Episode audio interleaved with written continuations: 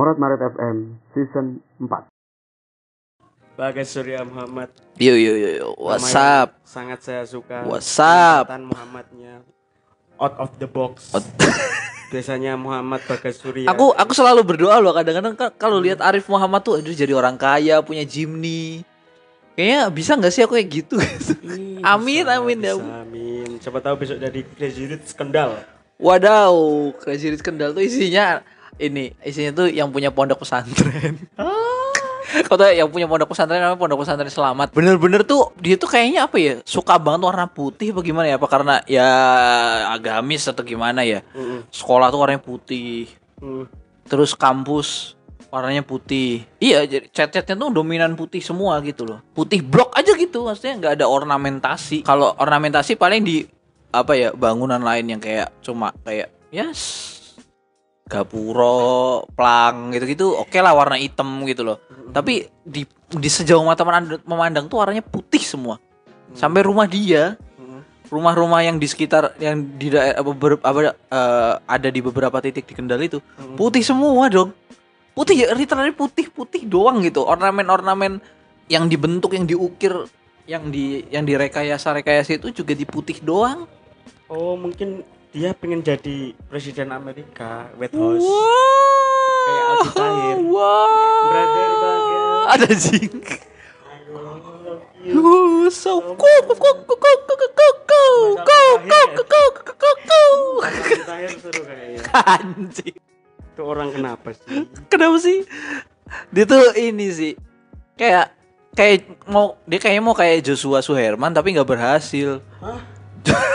Joshua Joshua Suherman tuh masih mending karir jeblok dari apa Oh. masa kecil kan masa kecil kan dia diobok-obok dia Ah. ngobok-ngobok air aja bisa dapat duit kayaknya habis tuh ada ini deh ada apa ada balai konservasi untuk penghemat air gitu jadi dia udah nggak boleh ngobok-ngobok SJW ya Pak Jadi ya. turun gitu kan. Naik lagi jadi ini jadi pemain apa main band dulu dulu yang Ah. lagu diobok-obok lagi tuh di apa Oh, ah, di remake dibikin, dibikin apa ya? kayak apa pang-pangan lah. eh pang Popang pop pang heeh, gitu. Heeh. Tapi tidak berhasil. Terus ke stand up komedi. Gak lucu juga menurutku gitu. Dia udah eh termasuk founder MLI pertama. founder. MLI ya. Nggak tahu dia masih di MLI apa enggak sih, tapi udah enggak deh. Nggak tahu sih tapi Ah, andaikan mas andaikan enggak tapi pun dia udah sekarang lebih laris di film gitu loh nah itu itu kayaknya Aldi Tahir tuh pengen tuh kayak gitu gitu tuh Padahal kalau lihat zaman-zaman kita SD kan dia, dia udah ada ya. Tawa Sutra Heeh, tahu Ade. Namnung Budi Anduk Terus sebelumnya dia punya kayak band-bandan. tapi bagus loh maksudku gini loh Heeh. eh Tawa Sutra kan dulu nge-booming banget ya Mm, komedi sketsa gitu-gitu. Ade Namnung Budi Anduk. Mm. kayaknya aku tahu cara biar Aldi Tahir lebih terkenal lagi. Apa? lebih lucu habis itu meninggal. Ade Namnung udah gak ada Budi Anduk. gak ada juga. Mereka mereka lucu gitu loh. Dulu Aldi, Tahir juga lucu. Dulu lucu. dulu lucu karena dia bisa sketsa. Heeh. itu bisa sketsa. Tawa Sutra. Tawa Sutra dulu tuh. Dia dulu sempat main di sinetron Maija. Iya Dia bikin trio ubur-ubur nyanyi ah di saat ah ini loh apa Munaro. Munaro Bang Oji datang prepet prepet lagu itu lumayan nempel loh di otak loh Tapi terus akhirnya tenggelam, tenggelam, tenggelam, tiba-tiba muncul. Jadi muncul di warung mie ayam pribadi. Joget-joget. Tiba-tiba nyanyinya Nisa Sabian tetap semangat. Nyemangatin Nisa Sabian. Nisa, Nisa, Sa- Nisa Sabian belum tentu buka itu lagu loh. Dia paling tahu kalau itu Aldi Tahir siapa sih Aldi Tahir gitu kan. Dia kayaknya Nisa Sabian kan bukan ini artis era-era kita, Bro. Dia kayak masih kecil kan. Ya betul. Si kecil sudah selingkuh. Aldi Tahir, Aldi Tahir, tapi keren loh menurutku dengan di- tapi tapi gini loh. Aku kasihan istrinya dong. Tapi kayaknya nggak pernah diekspos. Pernah ada satu kayak youtuber tuh nge ngewawancara istrinya gitu gimana rasanya jadi istrinya Aldi Tahir. Kan dia punya istri yang terakhir tuh kan ini ya sebelum eh, kan waktu itu pernah sama Dewi Persik masih terkenal ya dia ya. Hmm. Terus pas udah jeblok kan terus dia punya pas punya istri yang sekarang itu pas udah karirnya sudah wuh puff, gitu kan. Jadi secara secara teknis dia merasakan Aldi Tahir yang dari bawah gitu loh. Hmm. Nah, tapi kan dia eh, Aldi Tahirnya tuh kan naik dengan cara yang sangat tidak apa ya, sangat tidak lazim gitu loh menurutku kayak yang dia naik naik tapi tiba-tiba udah jadi ustadz aja gitu. udah poligami apa? Poligami barokah, oh, berkah-berkah begitu.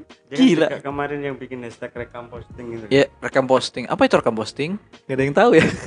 Kemarin lihat uh, kontennya Tretan Why Dah. dia ngaji sambil reaction jadi Corbuzier.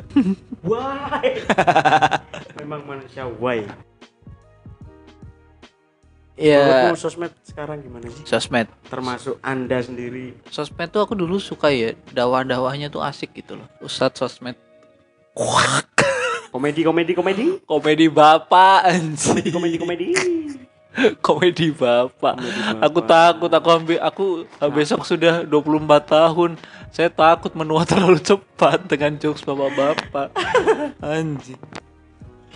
Anjir. Aku tuh aku tuh sekarang jadi suka apa ya mulai ngejokes bapak-bapak karena yang yang aku hadapi doiku aja umurnya 2 tahun di bawahku kayaknya. Ya baru gebetan sih, tapi maksudku kan ada jenjang umur gitu yang kayaknya orang itu dilempar jokes receh aja udah ketawa gitu loh. sama dong. Monot sama aku juga beda 2 tahun. Heeh.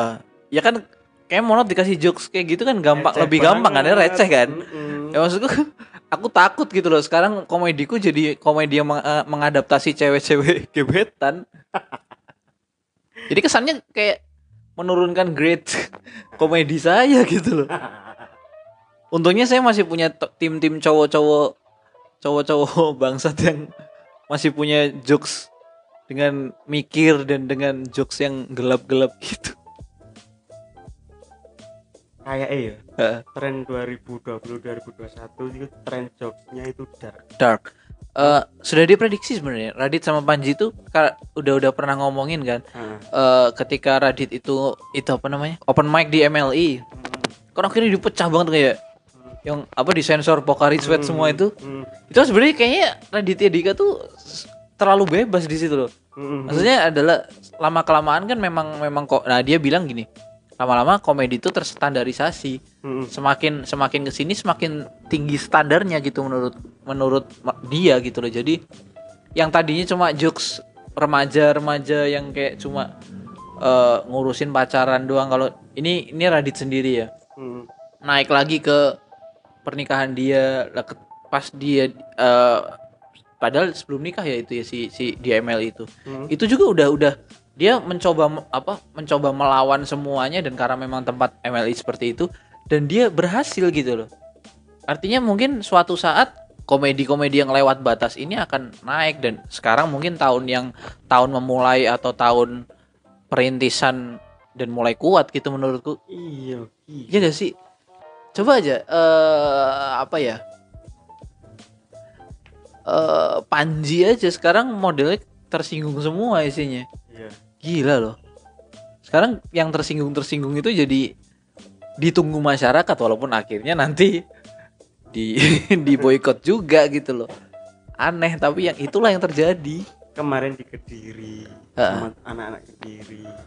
Jokesnya itu semua dark semua Hmm. dan circle mereka itu bukan circle yang satu agama ada yang non muslim Heeh.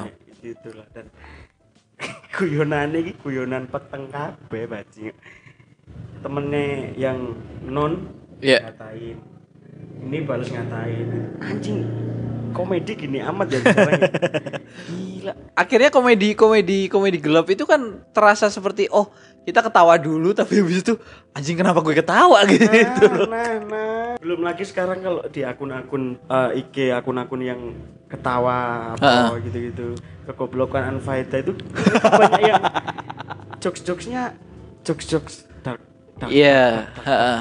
ada yang nertawain nertawain Amit Yao orang cacat ada yang orang jebol-jebol terus tiba-tiba kayak video TikTok itu jatuh dari atas Mm-mm. jadi seukuran lidi Iya. Ih. wow Aku sih mencoba untuk mencoba untuk apa ya netral artinya kalau dari kalau aku pribadi sih oke aku bisa melantunkan dark jokes itu aku bisa disanahan juga jadi ya insya Allah aman lah gitu loh. Eh, aku bisa melakukan dark jokes kepada orang-orang tertentu yang kuat mentalnya juga gitu loh. Eh, yang yang mana orang-orang ini kan belum semua tahu paham dan bisa menerima dengan baik dark jokes itu seperti apa gitu loh. Nah, ya gimana ya untuk kita eh, untuk kita kita yang penyuka ya bukan penyuka apa ya Pe, pemerhati bukan pemerhati apa ya pokoknya kita tidak menikmati tapi kita tahu gitu loh hmm. eh kita kita nyaman nyaman aja selama kita eh, bisa bisa ini juga sih bisa saling nek nek coro wong karawitan kan bat batan ya Mm-mm. soalnya kadang kita nggak tahu juga isi hati orang gitu Yap. kalau misalnya tersinggung kita juga bilang gitu kan maksudnya Mm-mm. Oh sorry ki. Kita yang singgui aku raiso nompo nek kui mungkin gitu. Eh, ada ada toleransi gitu. Tapi kan tidak banyak manusia Indonesia seperti itu gitu. Sekarang jadi jadi timbul fenomena lain gitu.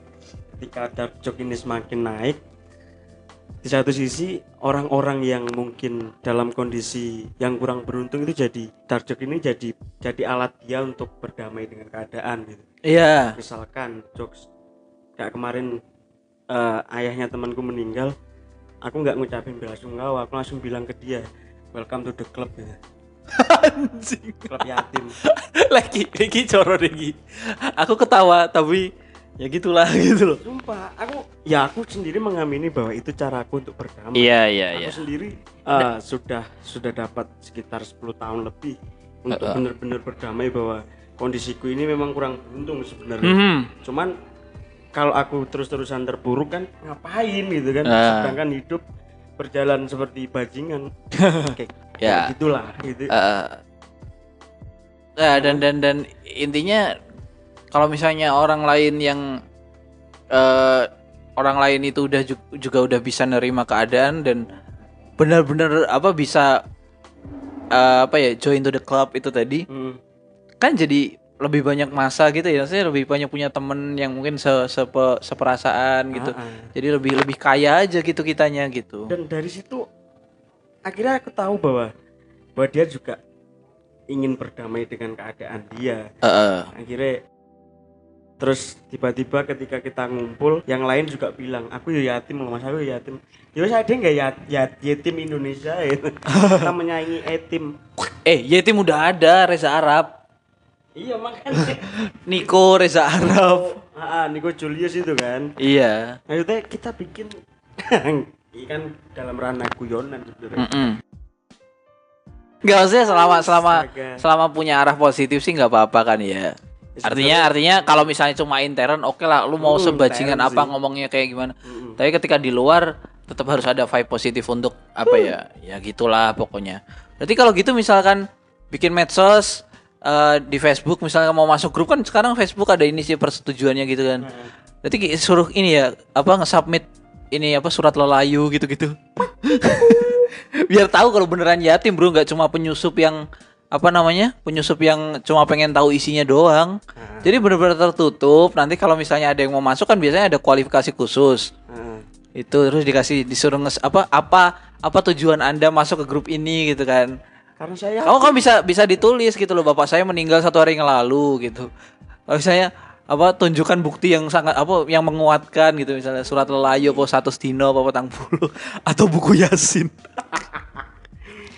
Kan bener-bener maksudnya kan ada ada proteksi khusus gitu loh untuk untuk eh, gitu gitu loh. Nanti di dalam grup Facebook itu nanti isinya ya sharing lah cetak cetakan cetakan itu cetakan cetakan apa buku yasin yang bagus di mana yang jelek di mana. Gitu gitu nanti kalau misalnya ada orang yang meninggal lagi kan. Ya, sharing Terus. terus apa ya? Ada sharing foto lawas terus ada sharing ini apa eh aplikasi apa tuh yang bisa ngegerakin muka gitu loh oh ya ada dan nge-sharing aplikasi ini teman-teman barangkali yang mau kangen bapak gitu loh. Mau kangen bapak bisa bergerak-gerak nih foto, foto. Kamu kamu pasang fotonya aja terus nanti biar diproses sama aplikasi itu. Nanti dia gerak-gerak sendiri gitu. Ada sharing ada forum sharing begitu tuh. Ada nanti beasiswa. Oke oke oke. pada akhirnya dark joke itu jadi apa ya penyelamat orang-orang yang selama ini nggak berani Ya ini menurutku berdamai. pilihan. Bisa juga orang semakin ter apa ya ter terbias dengan fungsi dark jokes atau enggak. Nah itu kan pilihan pada akhirnya ya. Mm-mm. Ada yang bisa memilih untuk ah dark jokes untuk untuk berdamai. Ada yang menghindari dark jokes untuk tidak mengingat kalau misalnya itu traumatik sangat traumatik gitu loh. bisa Bisa bisa jadi. iya iya iya iya cuma concernku di itu tadi bahwa Mm-mm. Bisa ternyata mendamaikan ya. ada gunanya ketika Nah. komedi model begini itu muncul di publik jadi banyak orang-orang yang selama ini nggak pernah berani atau belum belum merasakan berdamai dengan diri Iya. sendiri itu menyenangkan mereka akhirnya jadi jadi mau keluar dari keterpurukan itu kayak misalkan Dani Aditya Ah iya iya iya. kondisinya ini sebagai branding Sebagai brandingan, heeh. terus ada kemarin peserta suci One X Davi Iya ya, Davi Sumbing, Sumbing. itu Ya Akhirnya termasuk Niko juga kan. Niko Mm. juga Sumbing terus Niko siapa ya? double men Sumbing ya Sumbing yatim juga. Wow. Tapi sukses. Sukses, sukses pansos.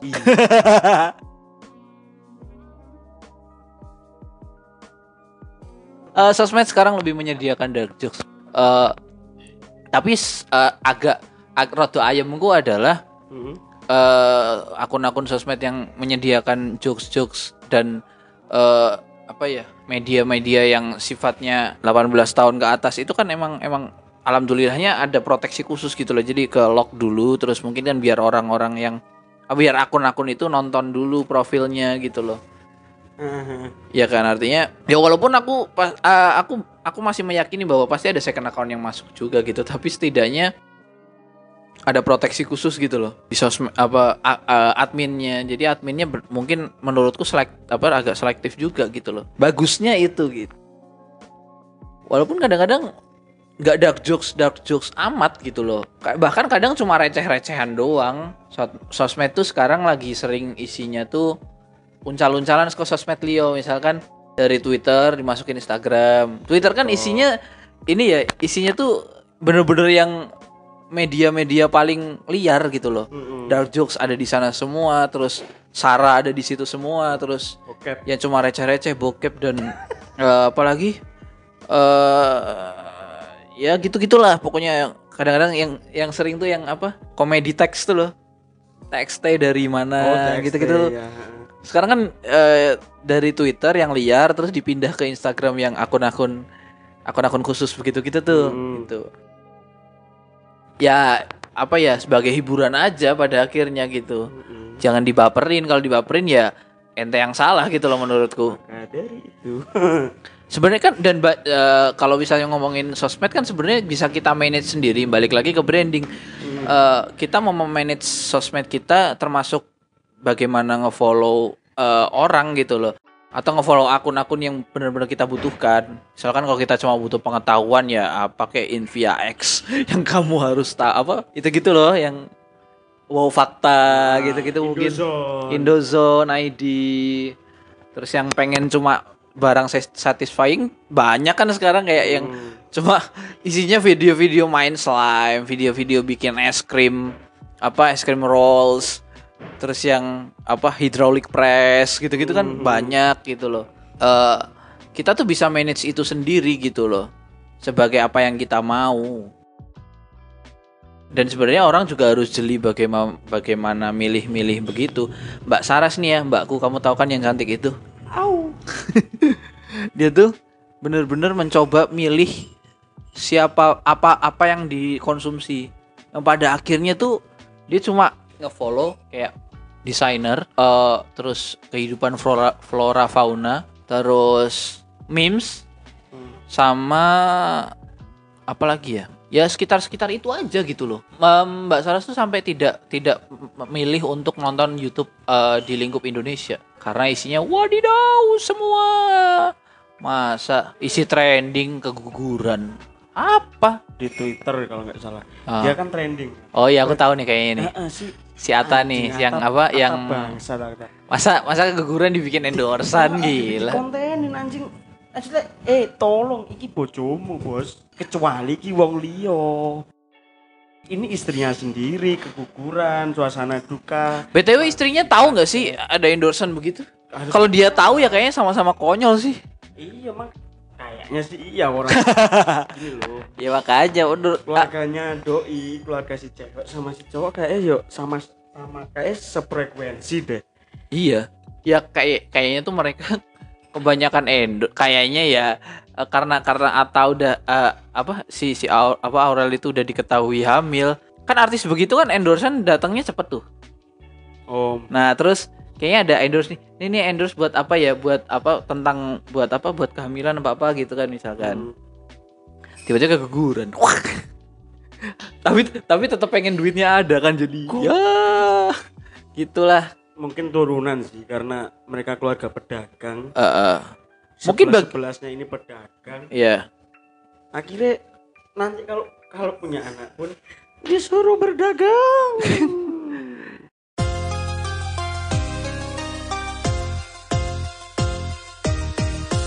Morat Marit FM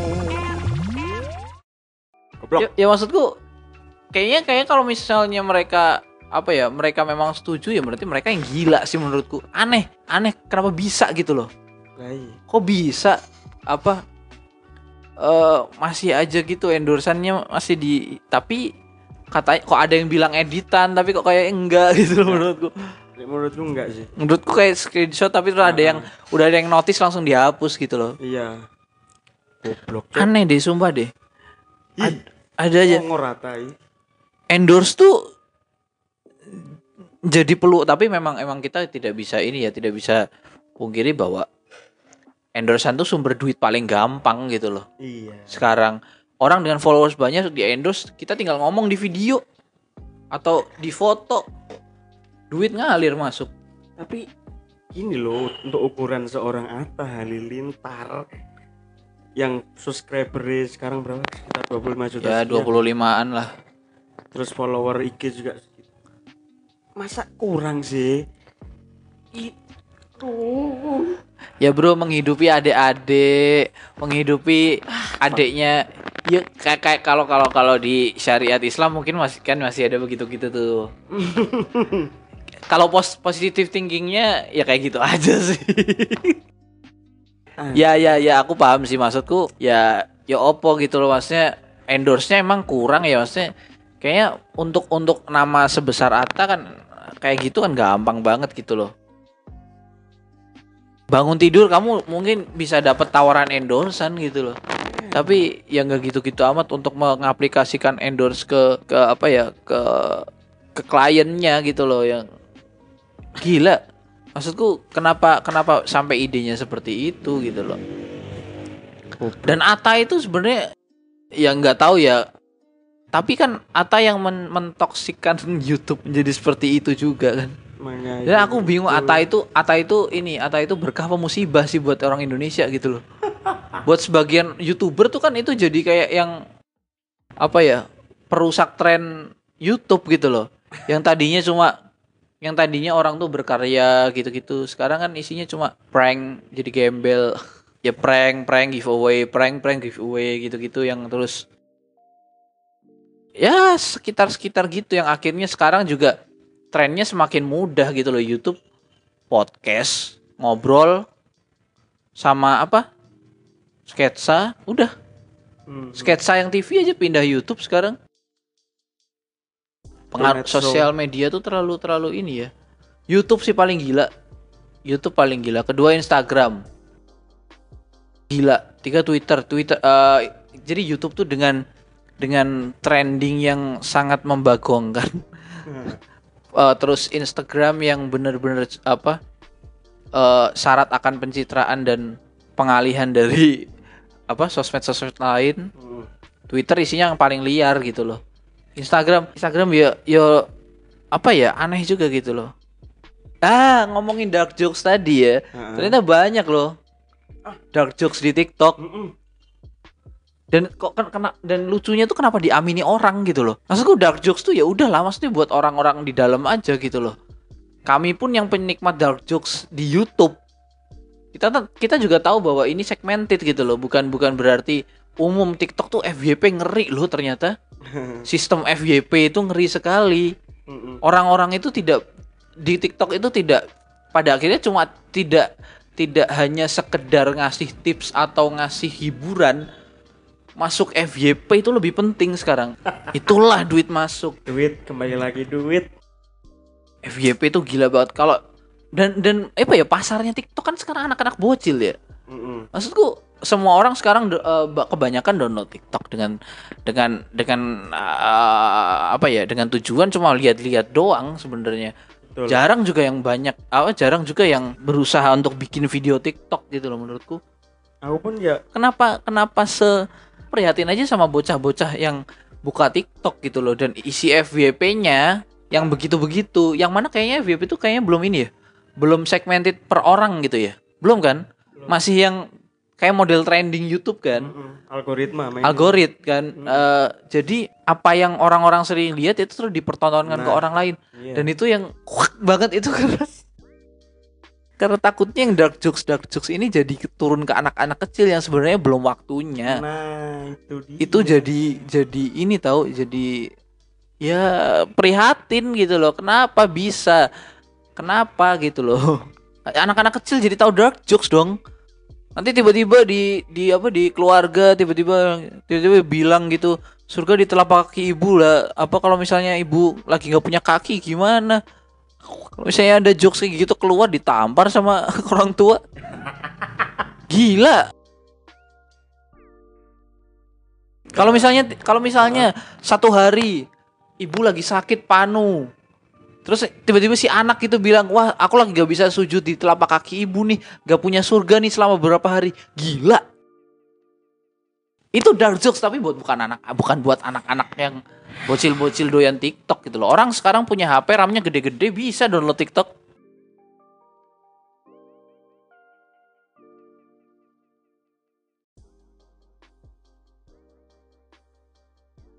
banyak banget orang-orang yang dalam situasi kekurangan difabel dan sebagainya sekarang bikin TikTok untuk untuk ngasih ngasih lihat bahwa ini loh aku udah berdamai gitu. Iya. tapi pada akhirnya ini jadi eh, pisau bermata dua ketika Nah, yang ngatain dia ini bocil-bocil itu tadi dia dikatain terus di, disautin dengan konten-konten dia bahwa aku sudah berdamai tapi yang ngatain anda ini bocil jadi ruwet jadi ini kesannya sudah sudah tidak punya apa tidak punya harga diri gitu loh. Mm.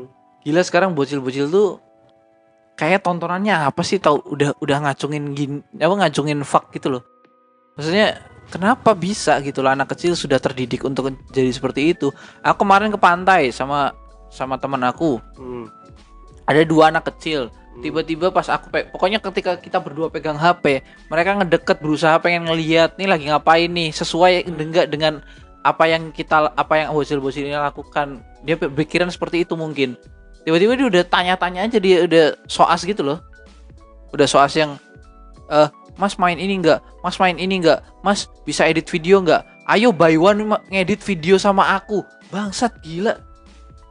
Apa apa skill Anda gitu loh menurutku?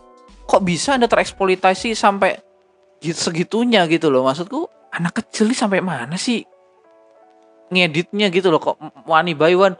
Ketika ketika aku menang juga nggak ada apa-apanya kalah juga malu gitu loh. Konsep Jawa kan menang ora kondang kalah dadi wirang kalah ngisin-ngisini kan seperti itu. Dan itu kok lazim sekarang anak-anak? Di- tak kira tuh buy one tuh buy one game. Buy one editing video sekeren itu loh bocah loh. Hashtag editor berkelas. Editor berkentot.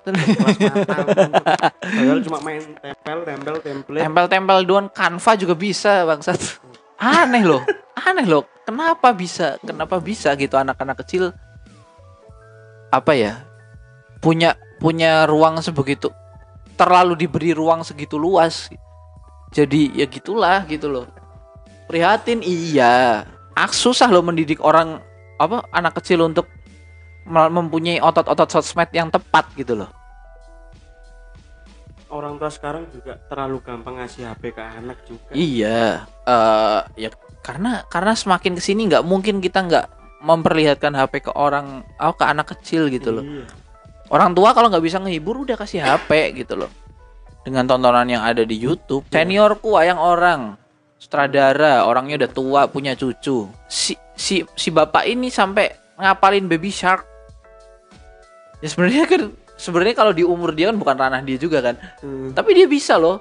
Ayo Baby Shark dudu dudu dudu karena nonton YouTube karena dia berusaha mempertontonkan itu kepada anak kecil. Dia rela begitu. Men. Dunia akan berubah. Maksudku eh anak kecil pasti akan tak maksudku adalah ketika otot-otot yang dibutuhkan itu harus dibentuk, cara ngebentuknya ini yang harus diperhatikan Iya, gitu itu loh. dia. Tontonan-tontonannya seperti apa, cara ngehadepin komentar negatif yang anak kecil kan sensitif banget ya. Apalagi kalau misalnya tiba-tiba apa dikatain goblok terus harus kan kalau secara moral kan masa iya sih terus dikatain goblok balik anak baru berapa tahun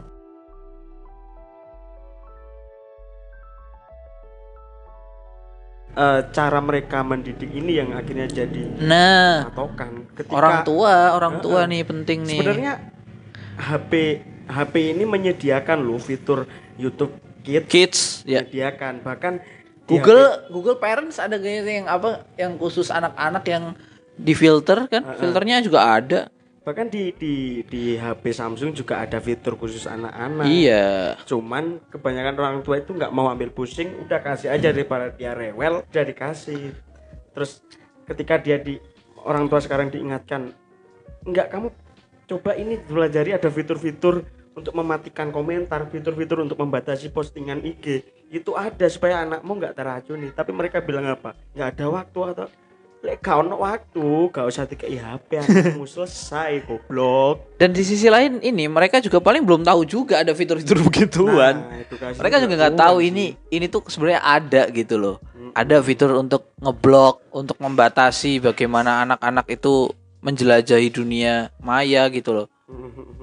Wong kita juga kita juga masih terbatas masih ada di web. Ya kan? Maksudku ya serius aja. Maksudnya eh, ada ada ada di web itu juga manusia normal aja juga harusnya tidak merambah itu gitu loh. Yang artinya memang masih ada batasan apalagi anak-anak. Anak-anak main TikTok sudah bahaya nonton YouTube sudah bahaya.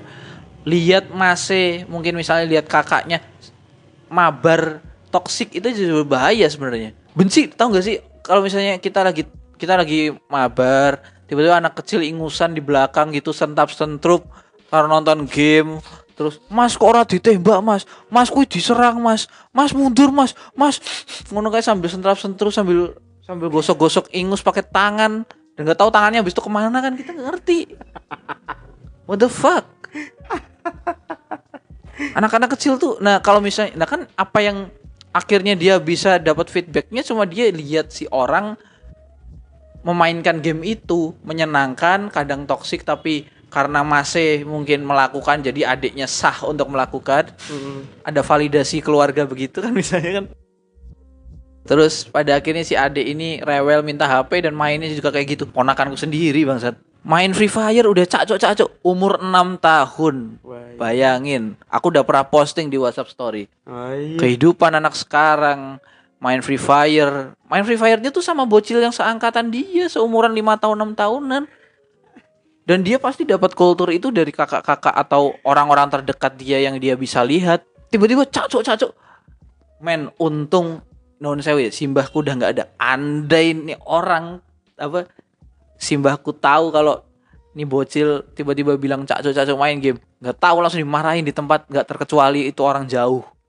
Bayangin. Untuk keponakan dimarahin tuh sama simbahku tuh. Asli. Main free fire jangan ke situ cok cok gitu. Gila nih anak. Dia bertamu kemarin Idul Fitri nggak salaman nggak main sama kita kita yang di rumah malah main free fire. Itu juga toksik lagi. Kasihan developer game ya anjing. Mereka susah-susah bikin ini untuk dimainin orang dewasa malah disalahgunakan anak kecil gitu. Kayak kemarin kasus bapak-bapak marah anaknya top up sampai 8 juta di Indomaret. Yang dimarahin Ini mana kasirnya. Goblok, orang Cuk. tua juga goblok. Siapa siapa siapa suruh meng, mengiyakan anak top up sendiri? Tapi gila loh sampai anak kecil bisa main apa main top up.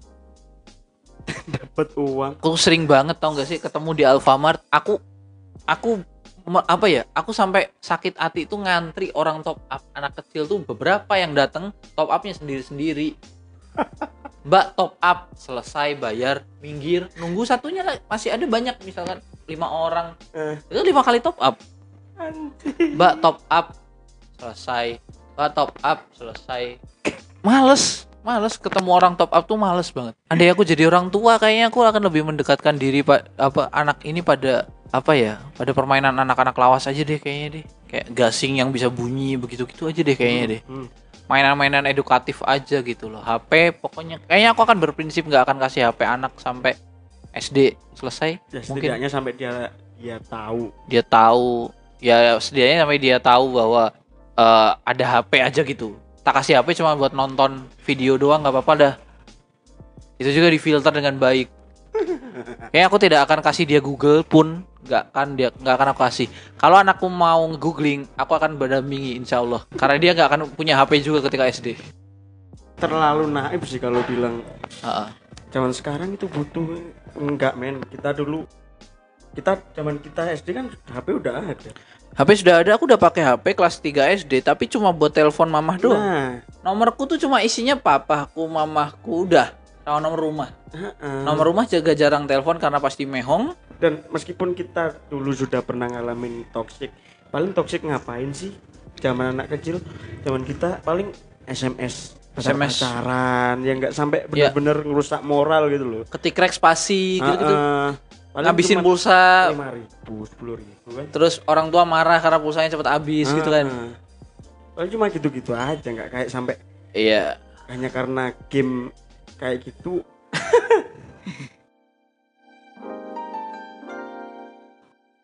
Terima kasih. Sampai jumpa lagi di podcast Maret Maret FM itu yang betul. Dadah